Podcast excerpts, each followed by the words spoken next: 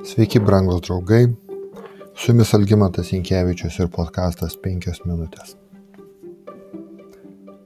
Ramataim Kofime gyveno toks vyras, Zufėtis iš Efraimo aukštumų vardu Elkana, Efrato Cufo sūnaus, Tohuvo sūnaus, Elihuvo sūnaus, Jerohamo sūnus. Jis turėjo dvi žmonas, vienos vardas buvo Ona, o kita Penina. Tai prasideda pirma Samuelio knyga. Pirmas skyrius, pirma antros eilutės. Pirma metraščių knyga byloja, kad Elkana buvo levitas ir pagarsėjusio maištininko Koracho palikonis, kuris nuožmiai priešinosi Dievo sprendimui paskirti Aarono palikonis kunigais. Elkana buvo Ebiesafo, vieno iš Koracho sūnų palikonis, kuris nepalaikė savo tėvų šiame sukilime. Pirma metraščių knyga, šeštas skyrius, 18-23 eilutės. Tai, kad Levitas turėjo dvi žmonas, kaip skaitėme pirmoje Samuelio knygoje, pirmoje, antroje eilutėse, galėjo rodyti tai, kad dėl vienos žmonos be vaikystės, negalėjimo turėti vaikų, jis galėjo paimti kitą, kuri pagimdė jam vaikus. Panašus atvejai buvo aprašyti pradžios knygoje, kai Abromas be Saros turėjo Hagarą, o Jokūbas turėjo dvi tarnaitės Belėjos ir Rachelės. Žinoma, kai šeimo, šeimoje atsirado daugiau nei viena žmona, tarp jų prasidėjo varžybos, jeigu taip galima pasakyti, o ta, kuri turėjo vaikų, pradėjo engti neturinčią vaikų. Tai nutiko ir Alkano šeimoje. Vieną tokią dieną Elkaną atnašavo auką. Jis duodavo dalis savo žmonai, Peninai ir jos sūnums bei dukterims, betonai duodavo dvigubą dalį, nes mylėjo Oną, nors viešpats ir buvo padaręs ją bevaisį. Be to, jos varžovė norėdama įskaudinti tyčiodavosi, kad viešpats buvo padaręs ją bevaisį. Tai būdavo kasmet, kai tik ji nueidavo į viešpaties namus, ji taip iš jos tyčiodavosi, kad ji verkdavo ir nevalgydavo.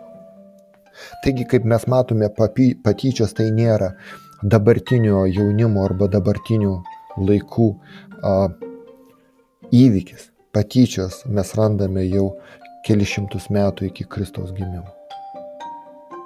Visada buvo žmonių, kurie stengdavosi prie progos pasityčioti, pasijokti iš kito žmogaus nelaimės, netobulumo arba kad jis turėjo geresnės sąlygas nei kitas.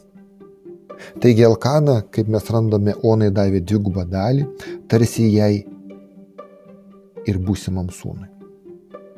Tai tapo tyčiojamasi priežastimi. Ona jai neatsakė, nors lydesys užpildė jo širdį. Ieškojo pagodo šventykloje. Pilna kartelė jį graudžiai verkdama meldėsi viešpačiui.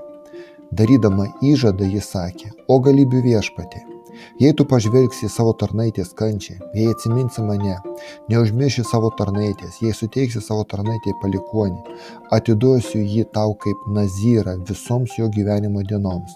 Nei vyno, nei svaigių gėrimų jis negers ir skustuvą jo galvos. Ir skustuvas, atsiprašau, jo galvos nepalies. Kitos sunos išbandymas buvo kunigo Elio papeikimas.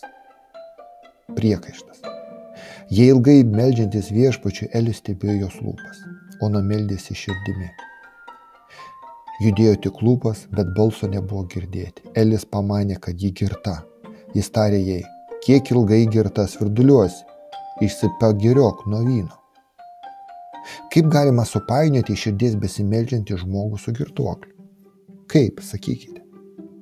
Tuo metu religinis gyvenimas nebuvo labai aukšto lygio. Patys kunigo vaikai buvo nusidėjėliai, nepažinoję viešpaties, pirmas Samuelio, antras skyrius. Savo elgesiu nukreidami žmonės naukų aukojimų. Gali būti, kad savo tarnystė Elis daug dažniau matė tuos, kurie linksminosi vynu, nei besimeldžiančius. Nepaisant to, ona nuolankiai atsako Eliui. Ne mano viešpatė. Aš labai nelaiminga moteris, nesugėrusi nei vyno, nei kitos svaigaus gėrimo, lėjau savo širdį viešpačiui. Nepalaikyk savo tarnaitės niekam tikusią moterį. Visą tą laiką kalbėjau už savo didelio skausmo ir kančios. Tadėk ramybėje, tarėlis, tai suteikia tau Izraelio Dievas, ko iš jo prašai. Netrukus Ona susilaukė sunaus, kuris buvo pavadintas Samueliu, o tai reiškia Dievo prašytas. Būdamas trijų metų, jis išvyko gyventi į Šilą, nuo mažų dienų tarnauti viešpačiui. Samuelio aplinka, tiesą sakant, buvo neįdėli.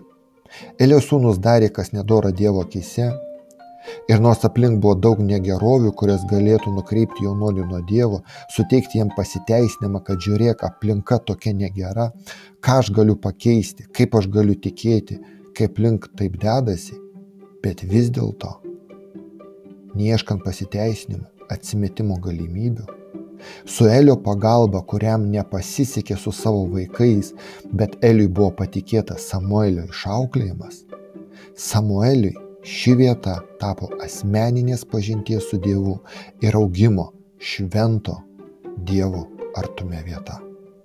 Brangieji, ar jūs turite tokią vietą? Su jumis buvo penkios minutės ir Yin Coach.